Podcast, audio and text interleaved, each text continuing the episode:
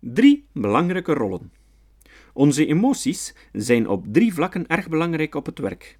Ten eerste kunnen ze een bijdrage leveren aan een positieve of een negatieve sfeer die een belangrijke invloed kan hebben op de motivatie en de productiviteit. Ten tweede hebben we onze emoties nodig om beslissingen te nemen. Ten derde stellen onze emoties ons in staat om morele oordelen te vellen. In mijn boek Rond Leiderschap heb ik aangetoond dat een positieve sfeer wel degelijk leidt tot een hogere productiviteit. Maar eigenlijk hebben we daar geen onderzoek voor nodig. Kan je je voorstellen welke impact het zou hebben op de kwaliteit van je werk en productiviteit indien je alle dagen het befaamde maandagochtendgevoel zou hebben? Dit betekent niet dat we van de werkplekken een soort club met moeten maken. Het is best mogelijk doelgerichtheid te combineren met een prettige sfeer.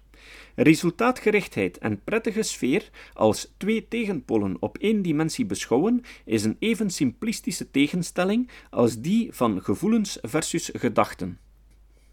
Hoe zit het dan met het nemen van beslissingen?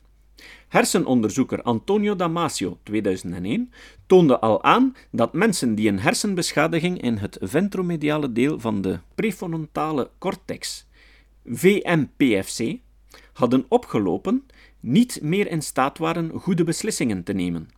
Dit deel van de hersenen integreert emotionele signalen in ons gedrag. Ook dysfuncties van de amygdala leiden tot dit soort problemen.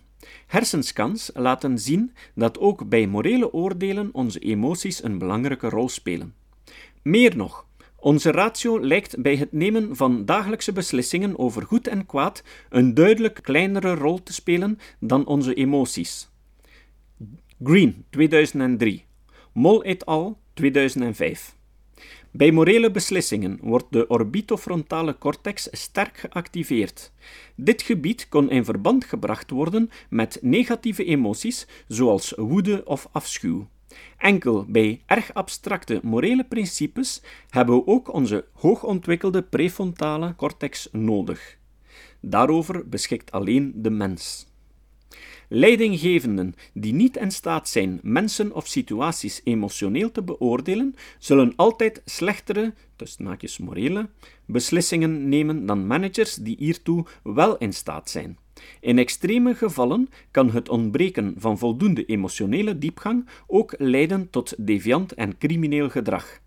Zich verzetten tegen de idee dat emoties een belangrijke rol spelen op het werk is dus geen rationeel oordeel.